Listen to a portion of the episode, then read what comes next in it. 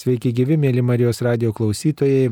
Šioje laidoje noriu Jums pristatyti Eucharistinio Jėzaus seserų kongregacijos vienuolę seserį Bernadetą Mališkaitę. Garbė Jėzui Kristui. Per amžius sama. Sesuo Bernadeta yra daugelio rekolekcijų dalyvė, nes vienuoliai kunigai dalyvauja patys rekolekcijose ir taip pat sesuo Bernadeta bendradarbiauja gyvenimo ir tikėjimo instituto veikloje. Institutas rūpinasi daugelio žmonių rekolekcijų atlikimu, taigi šioje laidoje kalbėsimės apie rekolekcijas, nes per adventą ši tema yra dažnai svarstoma. Taigi Galbūt laidos pradžioje aptarkime, kas yra rekolekcijos, nes ypač netikinti žmonės arba retai bažnyčioje apsilankanti žmonės to nežino, o ir dažnai dalyvaujantis gal ne visada supranta, kas tai yra. Taigi, kas yra rekolekcijos, kaip galėtume apibūdinti. Jeigu žiūrėti į žodžio rekolekcijos etimologiją, tą semantinę prasme, tai sakyčiau, nuo šaknies rekal prisiminti, prisiminti Dievo pažadus, prisiminti savo tikėjimo istoriją atsivertimo kelią prisiminti, kita reikšmė yra susirinkti. Nes taip jau yra, kad mes kartais žmonės išdžiūvame kaip tos upės, arba įsiderinam kaip instrumentai muzikos, kaip... Ir mums reikia tokio susirinkimo, susistygavimo iš naujo. Kodėl taip atsitinka, kad mes įsiderinam arba užstringam kažkur, tai mūsų gyvenimas yra labai toks kibus, sakyčiau, labai kabinasi į mus turi labai daug mums reikalavimų įvairiausių. Darbo, laiko, santykių, pareigų, visokiausių dalykų. O dar kiek tų, kurie pretenduoja į mūsų dėmesį. Tai įvairūs pranešimai, kurie kai kurie tiesiog dirbtinai sukurti poreikiai, kuriami dirbtinai, kurie labai gudrus, kurie labai nusitaikė į mūsų ausis ir akis ir mes taip gyvenam tokiom išplėstom ausim ir akim, kas čia vyksta pasaulyje ir jie žino mūsų silpnasis vietas. Ta visa pasiūla mus traukia, reikalauja būti pastebėtiems, priimtiems, perimtiems. O jeigu nepriimsim, neperimsim, tai tada būsim kaip tokie atsilikėliai. Tai sakyčiau, labai taikus į mūsų tokio širdies paviršių, iki gyvenimo paviršių, bet jeigu mes tuo taip išsiderinam ir užsikrečiam, tai užverčia mūsų širdies tuos tikruosius namus, tuos giluminius namus, užgriozdina viskuo. Ir pradedam jausti, kad mūsų gyvenimas net ir šventys, pažiūrėjau, net ir kalėdus jau tampa problema, kelia įtampą vietoj džiaugsmo, nes reikia viską suspėti, viską padaryti ir lakstom išplėstom akim pavargusiais, vos kvepuojančiais plaučiais ir jau gyvenimas tampa ne džiaugsmas, o toks bėda, sakyčiau, vargas, bausmė. Nes turiu labai vartojimą viską sutelkta, taip, reikia turėti taip. dovanų, reikia stalą nukrauti. Neseniai skaičiau, kažkaip labai sujaudino ir taip naujai išgirdau, kas yra žmogus. Toj laidoj visoji kalbėjo apie žmogų, įvardindami jį kaip vartotoją. Vartotojas taip ir taip, vartotojas taip ir taip. Aš galvoju, negi čia yra pagrindinė žmogaus charakteristika būti vartotoju. Nu, tai gerai, yra gyvūnai, yra plėšrėjai gyvūnai, žinduoliai, ten dar kažkokį, klasifikuojam viską, kas yra. O žmogus dabar yra vartotojas. Nu, kažkoks siaubas. Reiškia, jų pagrindinė charakteristika vartoti ir kuo daugiau, o prieš šventės dar daugiau. Tai tikrai turim susirinkti, kad atlieptumėm į esminius savo poreikius, kuriuos mes turim žmogus jos turi tūkstantmečiais, nuo, nuo net manų laikų turbūt. Mes išmokom naudotis technologijom, bet mes patys nepakitę, mes norim būti mylėti ir būti mylimi. Ir mes žinom, ką reiškia mylėti, būti mylimiem. Nes mes tikrai savo praeitį daugiau ar mažiau savo gyvenimo istorijoje žinom tas pažado žemės, kurias mums Dievas davė, tas pažado žemė ir ta viltis krikščionybė ir kurią mes savo šeimoje patyrėm iš tėvų daugiau ar mažiau, iš žmonių meilę, tą jaukumą, tą šilumą ir turim tuos, kaip sakiau, žyvusias upes, tą Egiptą, tą sausumą, kuri mus tiesiog skeldėja ir gazdina. Tai rekolekcijos yra tam, kad aš atsiverčiau, kad aš priimčiau savo savastį, savo esmę, atsiverčiau Dievui, būčiau pripildyta džiaugsmo, pasitikėjimo, aiškumo, vilties. Nes Dievas pažadėjo Evangelijoje, kad tu turėtum gyvenimo apšiai jo turėtumėm suvalkietiškas toks žodis gražus yra, sako, gal ir, ir kiti jį turi, bet man taip tas apstumas, tai drimba Dievo dovanos, jų, jų daug, jų tiek daug, kad mes neturim juose paklysti, bet turim jas atsirinkti, kurios mums tinka. Ir džiaugtis tom dovanom ir jas kurti, dalintis. Tai kitaip sakant, rekolekcijos yra proga atnaujinti krikščionišką tikėjimą, tą pirmą meilę atrasti iš naujo, meilę Dievui, galbūt meilę ir žmonėms atrasti iš naujo, meilę savo ir taip pat pagilinti ryšį su Dievu. Tai turbūt reikėtų aptarti, kokios būna rekolekcijos, kokio tipo rekolekcijos būna dažniausiai žmonės girdė apie parapijose rengiamas rekolekcijas, tačiau būna ir kitokių, gal galėtumėt pasakyti. Parapijose vykstančios rekolekcijos turbūt plačiai visuomenėje yra labiausiai žinomos. Tai jūs jau pats pasakėt, kad dabar advento rekolekcijos, tas laukimo įsikūnijimo metų rekolekcijas, jeigu žiūrėsim pavasariop, tai gavėnios rekolekcijos, tai sakytumėm rekolekcijos pagal liturginius metus. Tai rekolekcijos prieš sekmines, prieš tokius esminius arba vigilijos tos nakties tokius trumpus rekolekcijos. Pagal laiką jos gali būti labai ilgos rekolekcijos. Pavyzdžiui, labai krikščionybei paplitusios Švento Ignaco dvasinės pratybos ir ne tik tarp katalikų, ir tarp protestantų, ir jos trunka 30 dienų. Aš girdėjau, pavyzdžiui, rytiečiai, jie švenčia net ne 30, turi tas rekolekcijas, bet 40 dienų. Jau čia didelė prabanga visą mėnesį. Taip, ir tada dalyvauti. visą mėnesį žmogus išeina, bet tiesiog kultūra jiem, ta, jiem tai leidžia, kultūra jiems priimta, atsitraukti. Turbūt būtų keistoka, kad žmogus ima atostogas ir išvažiuoja 30 dienų rekolekcijas, pasaulietis. Nors vis daugiau atveju. ir daugiau atsiranda, taip. Nes kartą paragavęs, tu matai prasme ir naudą. Jeigu žiūrėtumėm pagal mūsų poreikius, tai sakytumėm rekolekcijos pagal jeigu aš darau kažkokį sprendimą, pavyzdžiui, renkuosi gyvenimo kelią arba prieš santukos sudarimą, prieš šventimų prieimimą arba įžadų davimą, rekolekcijos pagal formą gali būti tokios kūrybinės rekolekcijos, kurios su piešimu susiję, su fotoaparatu tu gali išeiti atlikti rekolekcijas per Dievo kūrybą, fiksuodamas ją, ieškodamas tos kūrybos apmastydamas ją atsiliepdamas. Rekolekcijos per judesį, nes mes neturim kūną, mes esam kūnas. Tai įtraukiamas ir mūsų kūnas.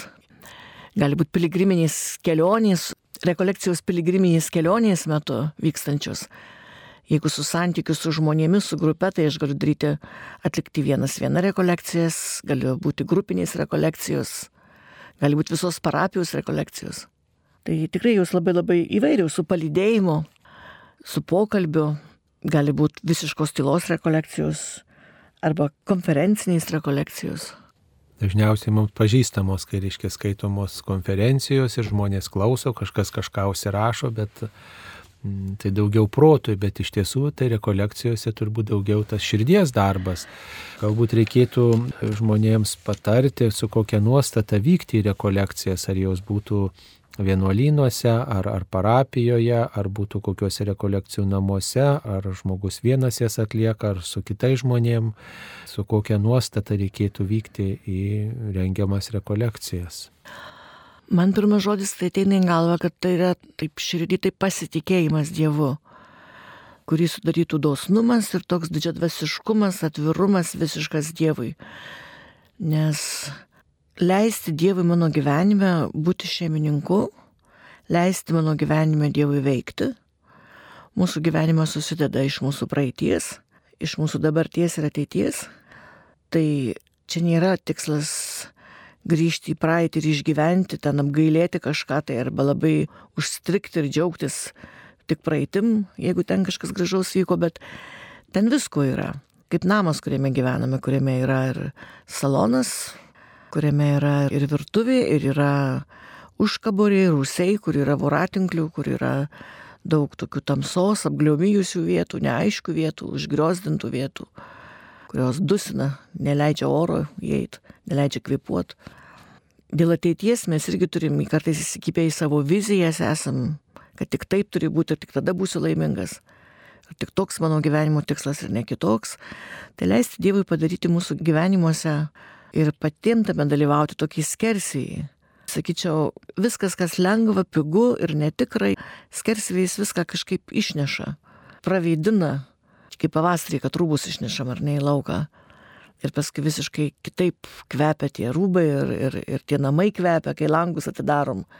įleisti šviesos, Dievo žvilgsnio šviesos į mūsų gyvenimus, perimti patiems tą žvilgsnį, tikrą autentišką žvilgsnį, ne tą, kurį mums padiktavo mada, kaip sakiau prieš tai, kurį mus kabinasi, kur pamadavo visokie spaudimai kitų nuomonės, turi būti taip, o ne kitaip.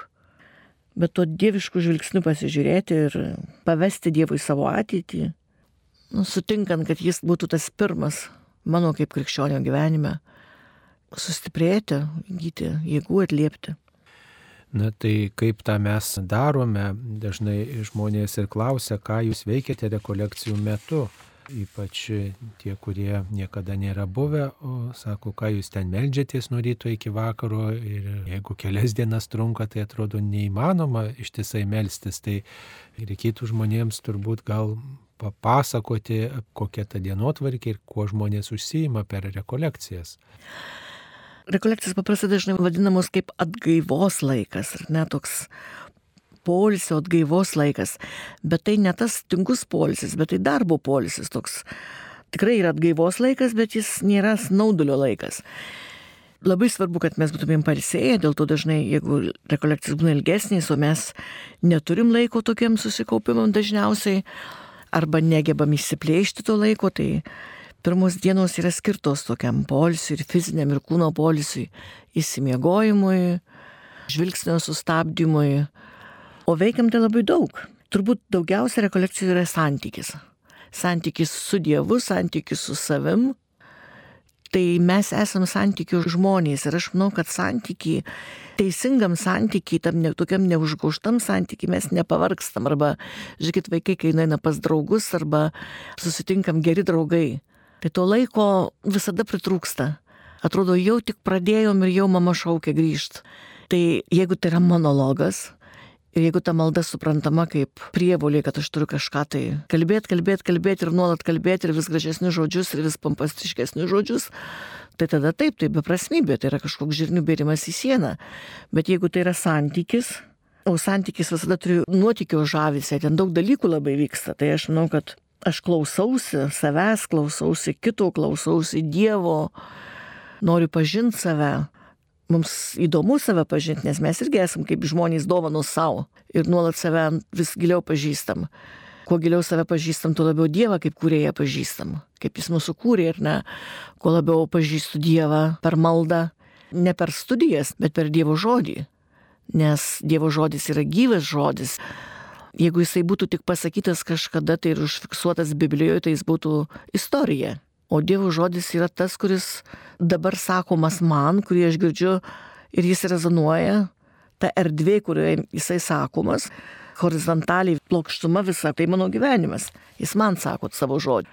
Ir jis dabar rezonuoja su mano gyvenimu. Aš esu tas biblinis personažas, tas keliautojas į Dievo namus einantis. Tai čia įvyksta ir Dievo įvaizdžio išryškinimas, nes mes patys norim būti pažinti, tikrai pažinti ne kad apie mūsų sudarytų kažkas klaidinga iš kitų žmonių pasakojimų nuomonė. Ir rekolekcijos yra didelį galimybė pažinti Dievą, koks jis iš tikrųjų man atsiskleidžia. Tai reiškia, tas, kad Dievo pažinimas būtų tikras, tas biblinis pažinimas.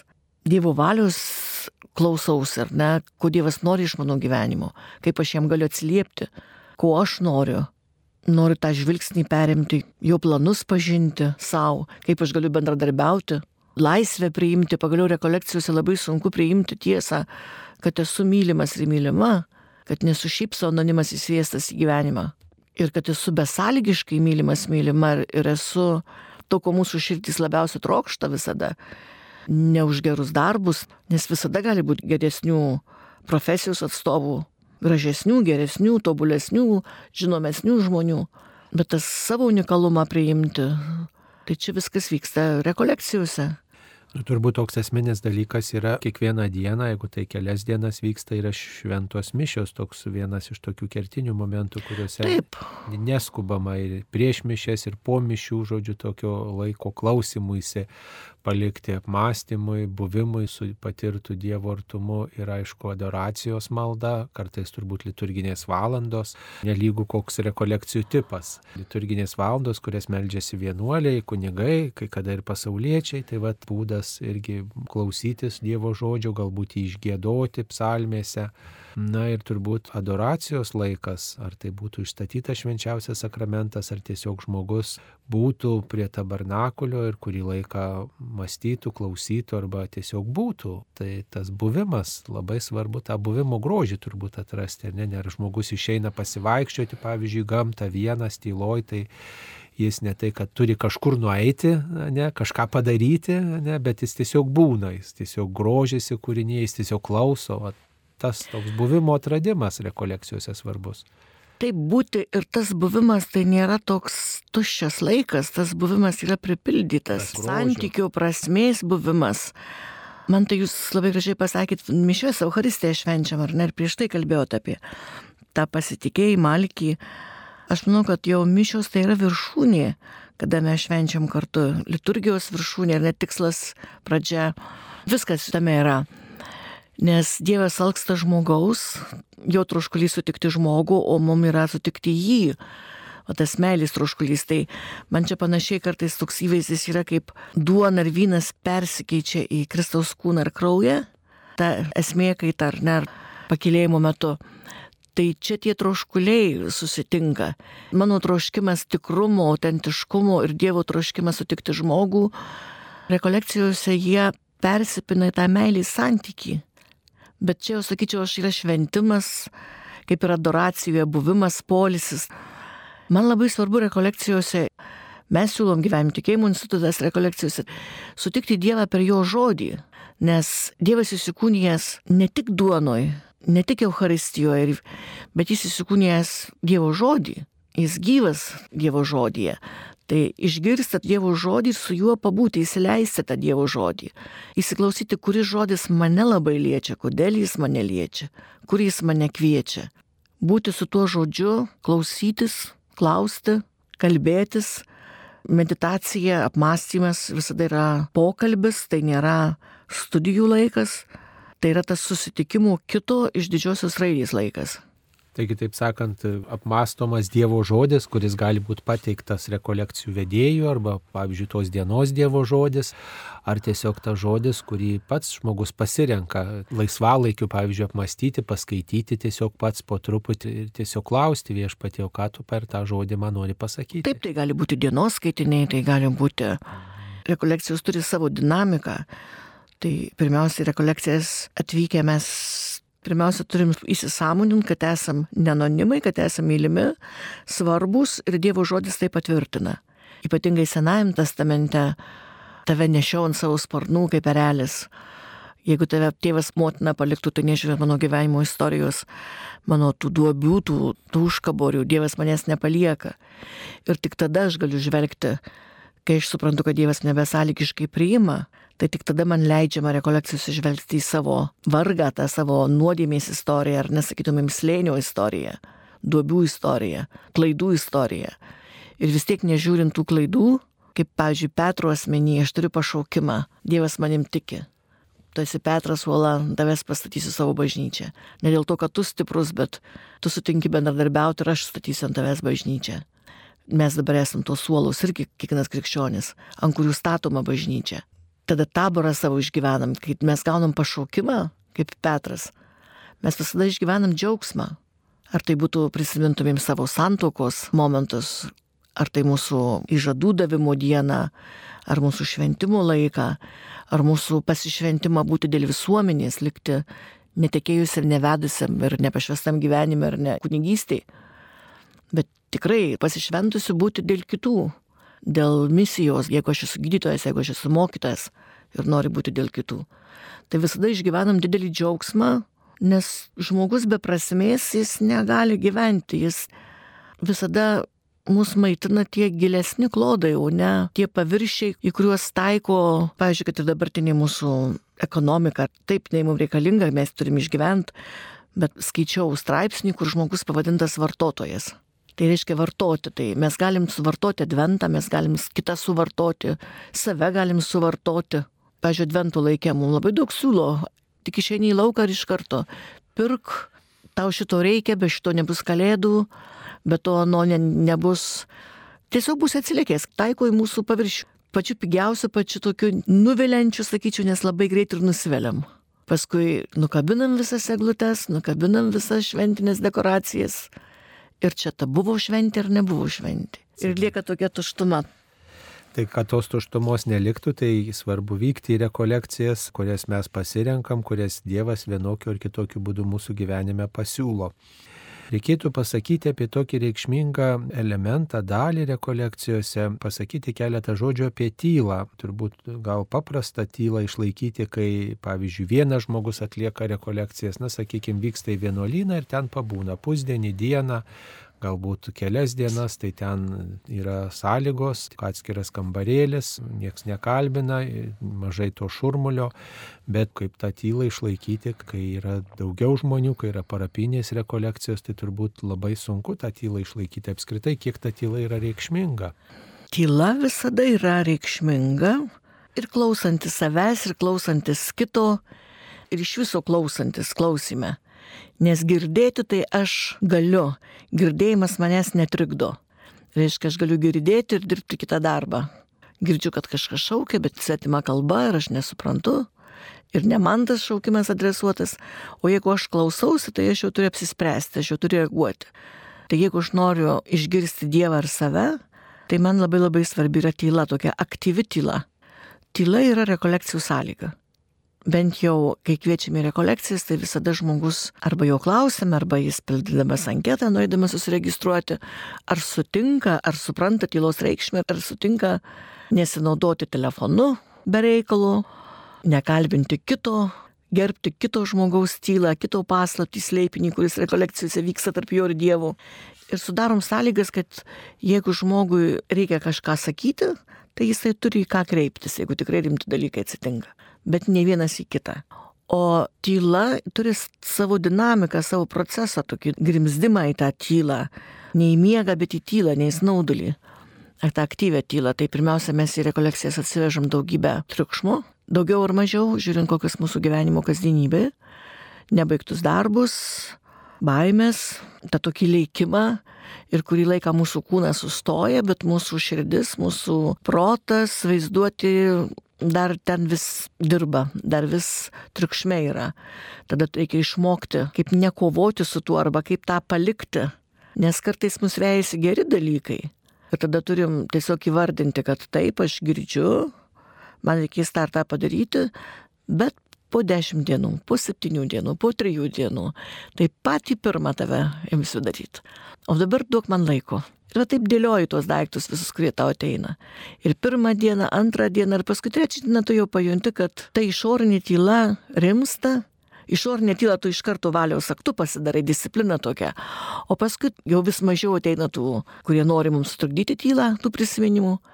Ir tada jinai gilėja, atsiranda ta vidinė tyla, kur tada tikrai vidinis darbas ir ten yra labai daug pokalbių, labai daug santykių, pokalbių su savim, pokalbių su Dievu kovos laikas kartais ne visada aš girdžiu tai, ką noriu girdėti maldoj ir pats atvažiuoju su tokiu prieš prie savyje ir to noriu, ir ano noriu, ir nežinau, ką daryti. Ir sąžiniai sako vienai, protas kitaip, jausmai trečiaip, visos vilionės, ten norai dar kitaip, visokie įnoriai mano. Ir tai nėra spengianti tyla, tai yra darbo tyla. Ir ta išorinė tyla, jinai tiesiog reikalinga kaip būtinybė, kad tai vyktų darbas tas atradimas savęs, atradimas Dievo, įsiklausimas, išgirdimas Dievo ir prieimimas tai, ką viešpats nori mums pasakyti.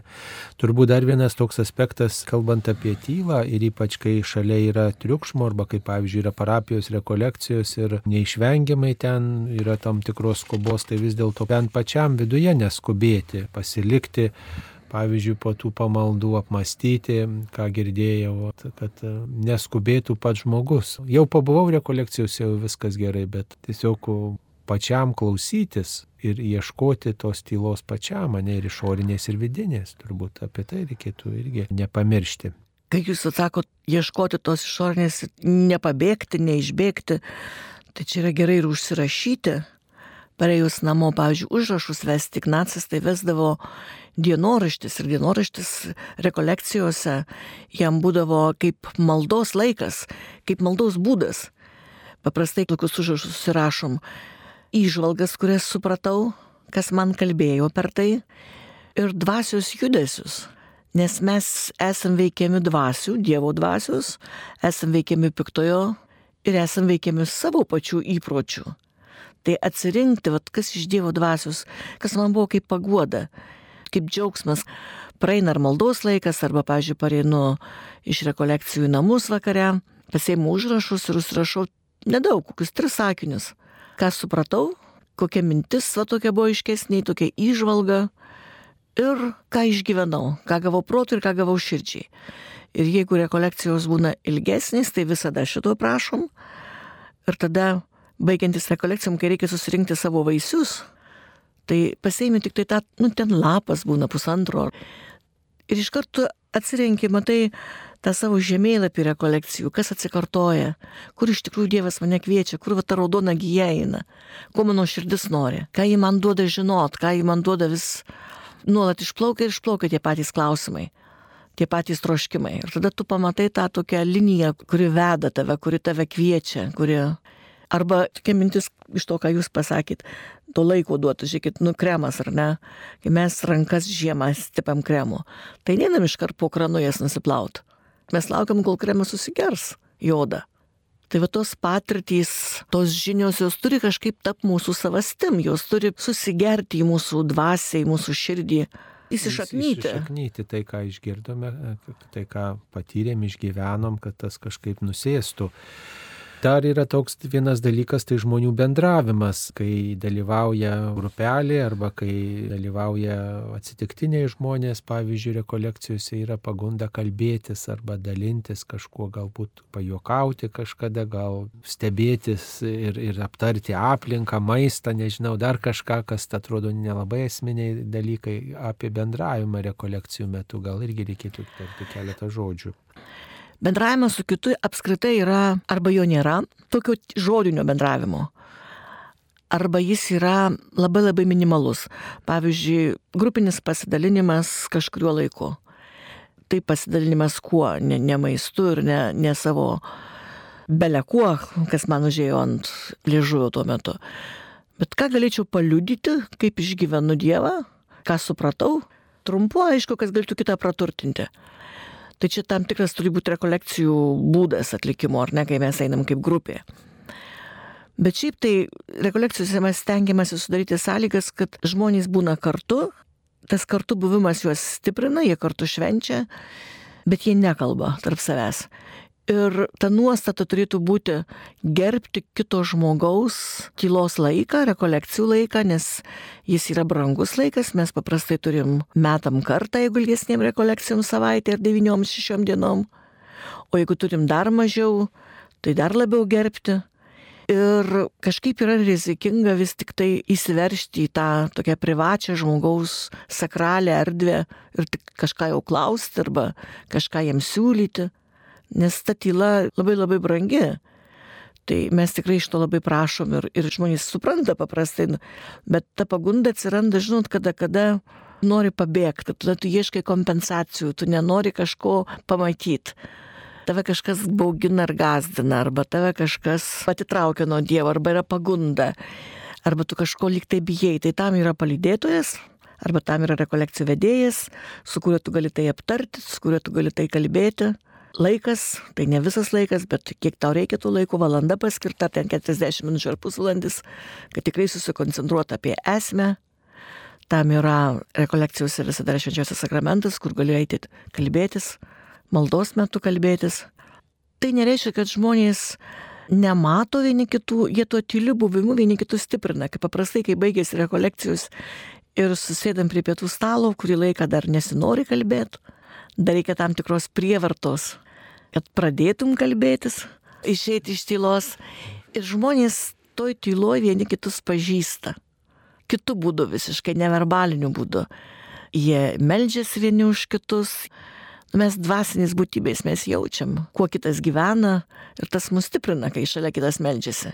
toks labai akivaizdus ryšys atsiranda, o tas toks kalbėjimas, jis atsiranda tos kompensacijos, žinot, kada, kaip sakiau, kai būna labai labai sunku, arba kai tu matai, kad kitas nuliūdęs, arba kitam kažko reikia paduoti, noras patarnauti, noras gerus darbus daryti. Tai čia viskas dažniausiai būna pagunda per rekolekcijas yra tokia proga labai kūrybiškai tikėjimą išgyventi ir jį išreikšti ir taip pat kūrybiškai tikėjimą ugdyti. Tai apie tą kūrybingumą, kūrybiškumo pratybas gal reikėtų taip pat tarti keletą žodžių. Gali būti ir rekolekcijos, pavyzdžiui, su bibliodramos elementais, kai mano kūnas dalyvauja tame irgi. Tai yra ne vaidybos elementai, bet kai aš kūną įtraukiu į maldą ir tas žodis, kurį aš girdžiu, ateina į mano gyvenimą ir aš jį išreiškiu ir kūnu. Gali būti kūrybiniai elementai, pavyzdžiui, su moliu ar ne su kūryba. Kai aš lipinu, aš puodžius tas esu ir vat, kas aš esu, kas aš noriu būti. Tarsi lipdau save. Tarsi lipdau, bet aš iš tikrųjų lipdau. Per tą lipdinį aš irgi įsitraukiu. Gali būti, kad aš piešiu, gali būti tapau, gali būti, kad čia nereikia turėti tapybos pradmenis. Gal aš lieju spalvas tik tai. Gali būti per žodį, per rašymą, per tokį spontanišką rašymą. Gali būti, aš jau sakiau, su fotoaparatu. Gali būti, kas mėgsta keliauti, Arba tiesiog einu gamtoje ir randu kažkokį daiktą, kuris primena, pavyzdžiui, ar mano dabartinę būseną, ar mano troškimą, kokį įjungti tokį vat, kūrybišką mąstymą, kad randu vat, kažkokią ar šaką, ar konkorėžį, ar žolę. Vat, ir mano, kaip susigūžęs, pavyzdžiui, aš esu taip ta žolėva susiviniojus, tiesiog ta žmogui irgi padeda truputėlį. Vat, Čia žinokit visada, save. kai mes viskį įgyjam to giluminio, to tokio žvilgsnio, kontemplatyvaus žvilgsnio, stebėjimo žvilgsnio. Rytiečiai sako, stebėjimas aukščiausias intelekto lygis - gebėti stebėti be vertinimo. Mes dažniausiai nestebime, o vertiname, ką matom. O tas stebėjimas tai akimirksniu viskas jau iškart galvojam, kad perpratom ir matom. O kai mes tą kontemplatyvų žvilgsnį gyjam, tokį vat Jėzaus žvilgsnį ar ne, tai mes viską kitaip matom. Visiškai kitaip. Aš prisimenu savo pirmasis rekolekcijas, būdama studentė neatsimenu, ką maščiau, nelabai atsimenu, kas ten vyko, bet labai atsimenu, kai aš važiavau traukiniu namo ir visiškai kitų žvilgsnių mačiau pasaulį ir visus vaizdus. Ir man tada viskas taip atrodė tokiu nuplautu, kaip po lietaus žvilgsniu, tokiu aštresniu, gilesniu, tokia ramybė. Buvo taip keista, kad tie žmonės iš pradžių miesto gatvėmis juda, kur jie čia skuba, kokia čia prasme, ko jie čia lekia, kas čia vyksta. Pamenu, kitas rekolektantas grįžęs, jis taip džiaugiasi, kad jis matė tris gulbes krentančias prie nemuno. Kad tos trys gulbės jam buvo kaip švenčiausios trejybės įvaizdis. Kaip dovana, po to jis jau galvojo apie visai kitus dalykus, bet gulbės buvo tas įėjimas į gilesnius klodus, kurie kviečia žmogų. Tiesiog mato ne tik kūno akim, bet vidumi kažkaip tą paukštį ir jis kažką daugiau. Širdies akis yra.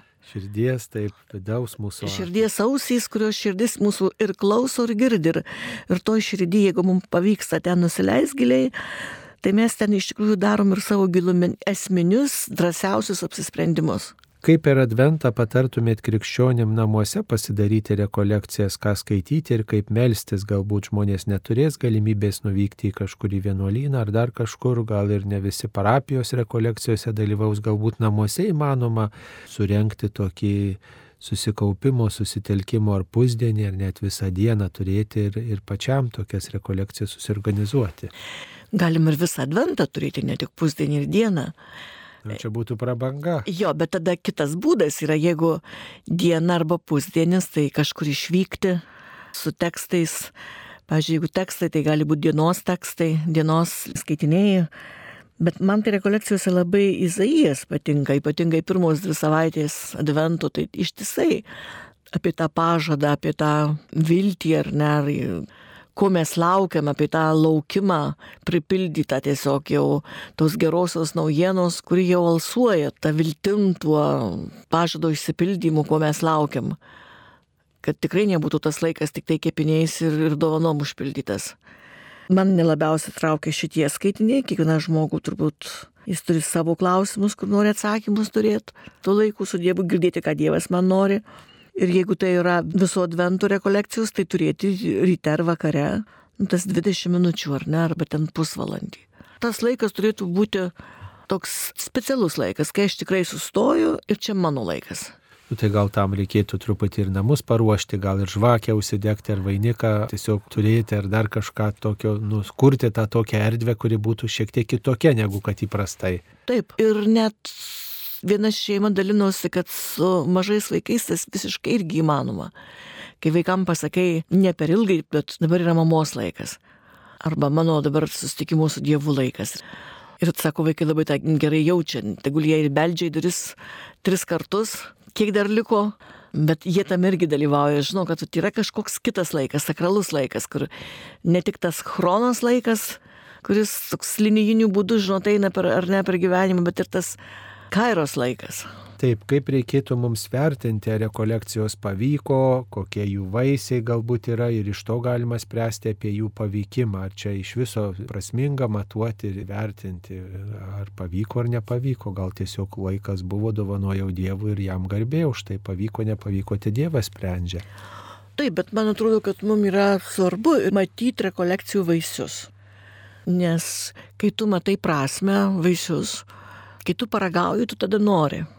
Tai man atrodo, kad rekolekcijų vaisiai tai yra toks didesnis altruizmas, išaugusi viltis, gebėjimas išreikšti, pasitikėti savimi Dievu, išreikšti savo jausmus, atsidavimas Dievui, atsidavimas kitiems, stiprėjantis ryšys su bendruomenė, su bažnyčia, kad tu nesi sala.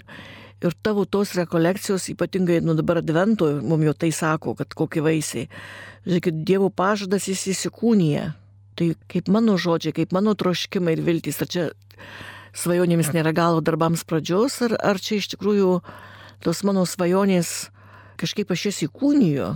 Pagaliau, jeigu įsikūnyjimas, tai koks mano santykis su tuo vartotojiškumu, su materija, su, jinai yra gera, bet dvasios pirmumas, ar ne, ar, ar mes protinga būtis, tai vėl koks mano santykis su tuo. Ir Čia labai daug kūrybos yra, o tie kriterijai vaisiai, tai perkeistas mano žvilgsnis. Daugiau vilties, daugiau, daugiau džiaugsmo, daugiau energijos, daugiau meilės savo kitiems. Ir Dievui gal labiau pamilti Dievą. Jį... Priimti meilę savo. Na, va, ir turbūt yra daug labai žmonių, kurie nedalyvaus jokiose rekolekcijose, tačiau klausydamiesi iš tos laidos galbūt tą tokį troškimą atranda savį, kaip daugeliu pradėti ugdyti, gilinti krikščionišką tikėjimą, kad jis būtų brandesnis, kad jis nebūtų toks paviršutiniškas. Čia turbūt sunkiausia. Krikščionė natūrali būsena turbūt yra alkti ir trokšti. Ir tai yra palaiminimas, jeigu aš alkstu ir trokštu, tada aš ieškosiu Ir Dievas tam pažadėjo palaiminimą. Palaiminti alksartys trokštantis, nes jie bus pasotinti. Jeigu žmogui dar gerai gyventi toj plokštumoje, jeigu jis tą giluminį alkį jaučia ir bando užpildyti daiktais veikla, tai čia laiko klausimas tik tai ir gali siūlyti, bet ar jis atsilieps ar ne, tai čia yra tiesiog jo laiko klausimas, kada jis į tai atsilieps. Jeigu žmogus jau ieško, Tai gali siūlyti, gali kviesti, gali liūdyti, gali pasidalinti. Man tai dar labai svarbus toks samoningumas, kuris nesusijęs su gilesniais klodais. Pavyzdžiui, Kalėdas. Yra toks, gal ir girdėjot, beveik anegdotas. Kalėdas dabar švenčia visas pasaulis. Nežinau, kiek čia teisybės, kiek čia iš anegdotų arba iš fantazijos pasaulio. Kai japonai klausia, tai ir krikščioniai švenčia Kalėdas. Reiškia, tos kalėdos jos tampa be turinio arba su visiškai kitu turiniu ir kokią šią kalėdą švenčiam tada. Tai pasigilinti, ką aš švenčiu, kas yra mano kalėdos, nes kalėdas žmonės vadina šeimo švente. Šeimo šventė bus tuoj tuoj pat po kalėdų. Dabar čia nėra šeimo šventė, kad visa šeima suvažiuoja ir kad kalėdos subūrė mūsų šeimas, taip, bet... Bet yra kažkokia gilesnė dar prasme, kodėl Tiesiog, subūrė šeimą. Taip, kodėl mes čia susibūrėm, kad į tas kalėdas nežiūrėt kaip į spektaklį, kaip, tai nu pasižiūrau, čia bažnyčio liturgija vyksta, čia gatvės išpuoštos, kodėl kas tame giliau. Tai aš sutinku, kad vaikai gali galvoti, kad čia jų gimtadienis ar ne, nes jie dovanas gauna ar ne, bet iš tikrųjų mes čia svarbus, bet ne dėl dovanų, bet dėl Dievo meilės mums. Taip, nes Dievas ateina tapti mūsų broliu. Aš manau, kad čia galima net pakviesti žmogų, kad samoningumo arba pagarbos savo net tokio žinojimo, ką švenčiu, kad, kad jo mažiau kas būtų manipuliuojama, kad samoningiau suprastų. Ir tada visiškai gerbiu žmonės, kurie nešvenčia kalėdų, nes jie netiki. Sako, čia yra tiesiog krikščionių šventė ir aš to nešvenčiu, arba ne man ta šventė. Ir tada tu jį gerbi, nes jisai tikrai supranta, kad nereikia savęs apgaudinėti. Bet ta apgaulė jinai kartais labai ilgai užtrunka. Tai klaus savęs, vat, ką aš iš tikrųjų švenčiu, ką aš noriu švęsti. Taigi, mėly Marijos radio klausytojai, kalbėjomės apie rekolekcijos, kurios yra proga pasiruošti švęsti Kristaus gimimo iškilmę ir yra proga mokytis klausytis, mokytis pasitikėti, mokytis iš naujo tikėjimą atrasti, prisiminti, kur mane viešpats užkalbino ir leisti, kad Dievas ir dabar mus kalbintų, leistų atpažinti mus ir taip pat pažinti, kaip mes galim keisti savo gyvenimą. Taigi kviečiame dalyvauti įvairiuose rekolekcijose, kurios organizuojamos įvairiausiais būdais, domėtis jomis ir taip praturtinti savo tikėjimą.